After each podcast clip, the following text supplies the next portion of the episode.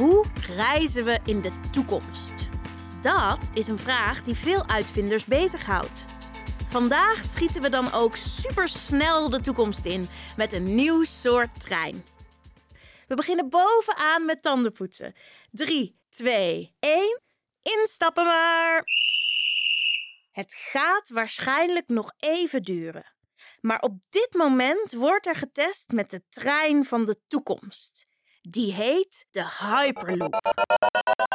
Hierin wordt een shuttle met passagiers door een lage drukbuis geschoten. Dat betekent dat er bijna geen lucht in deze buis zit. Hierdoor heeft de trein bijna geen last van luchtweerstand. Ook zweeft de shuttle op magneten boven de rails en heeft dus geen wrijving van de wielen. Hierdoor kan hij snelheden van boven de 1000 km per uur halen. Dat is sneller dan een vliegtuig. Wanneer we van Den Bosch zo een rechte buis naar Florence in Italië zouden maken, zou je daar binnen een uurtje al zijn. Que rapido! Toch is het idee niet nieuw. De eerste ideeën voor een vacuümtrein ontstonden namelijk al in de 19e eeuw.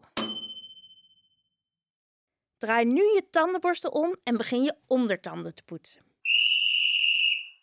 De Hyperloop is opnieuw onder de aandacht gebracht door de bijzondere miljardair Elon Musk, die zo het vervoer van de toekomst wil ontwikkelen. Om dat te bereiken organiseert Elon ieder jaar een wedstrijd. Deelnemers worden dan uitgedaagd om een voertuig voor de Hyperloop te bedenken.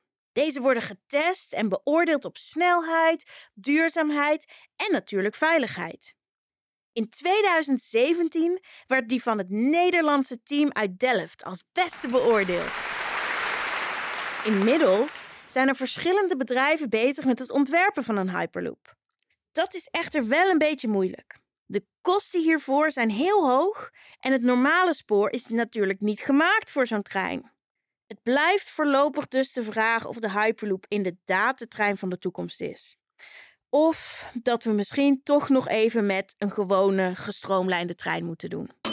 Dat was het voor vandaag. Spuug je tandpasta uit en spoel goed je mond. Tot morgen!